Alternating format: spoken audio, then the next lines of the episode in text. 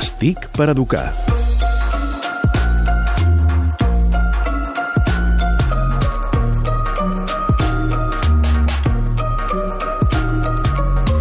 I a l'Estic per Educar eh, aprenem coses, eh, aprenem coses de tecnologia que poden ser útils pels vostres fills, com per exemple els audiollibres, mm -hmm. que avui ens portes una proposta, Albert Murillo, de Sí. Generació Digital. Audiollibres que penso que se'n parla molt poc eh, i és una tecnologia que, eh, de fet, eh, sempre ha existit des de fa dècades perquè eh, la gent amb problemes visuals l'utilitzen des de fa moltíssim temps.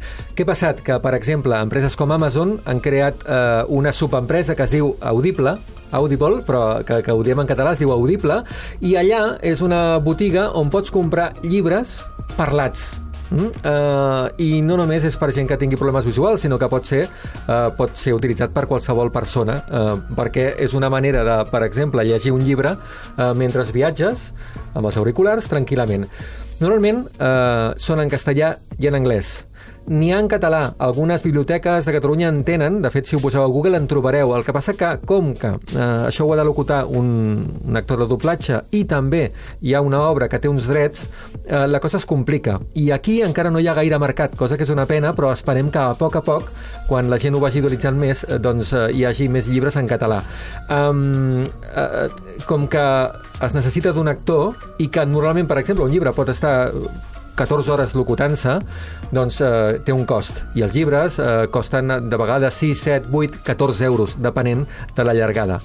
I jo eh, el que vull comentar-vos aquí que una, un exercici molt divertit és llegir un llibre en català o en castellà a casa teva, mm, qualsevol dels nostres fills, per exemple, i després comprar el llibre en anglès i escoltar-lo en anglès. És un gran exercici perquè tu saps eh, de què va el llibre i és una molt bona forma per aprendre un idioma com, per exemple, l'anglès. Moltes vegades diem, mirem sèries subtitulades al, al, al, a l'anglès, per exemple, però aquest és una, una, una forma molt més barata i fàcil de poder doncs, eh, aprendre un idioma eh, a través de la tecnologia.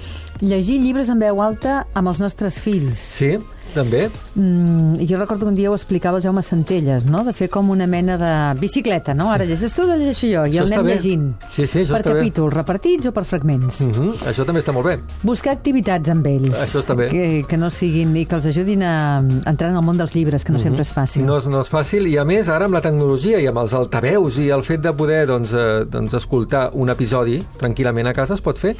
Llegiu llibres en veu alta. Aquesta és la recomanació d'avui. Gràcies, Albert Murillo. Adéu-siau.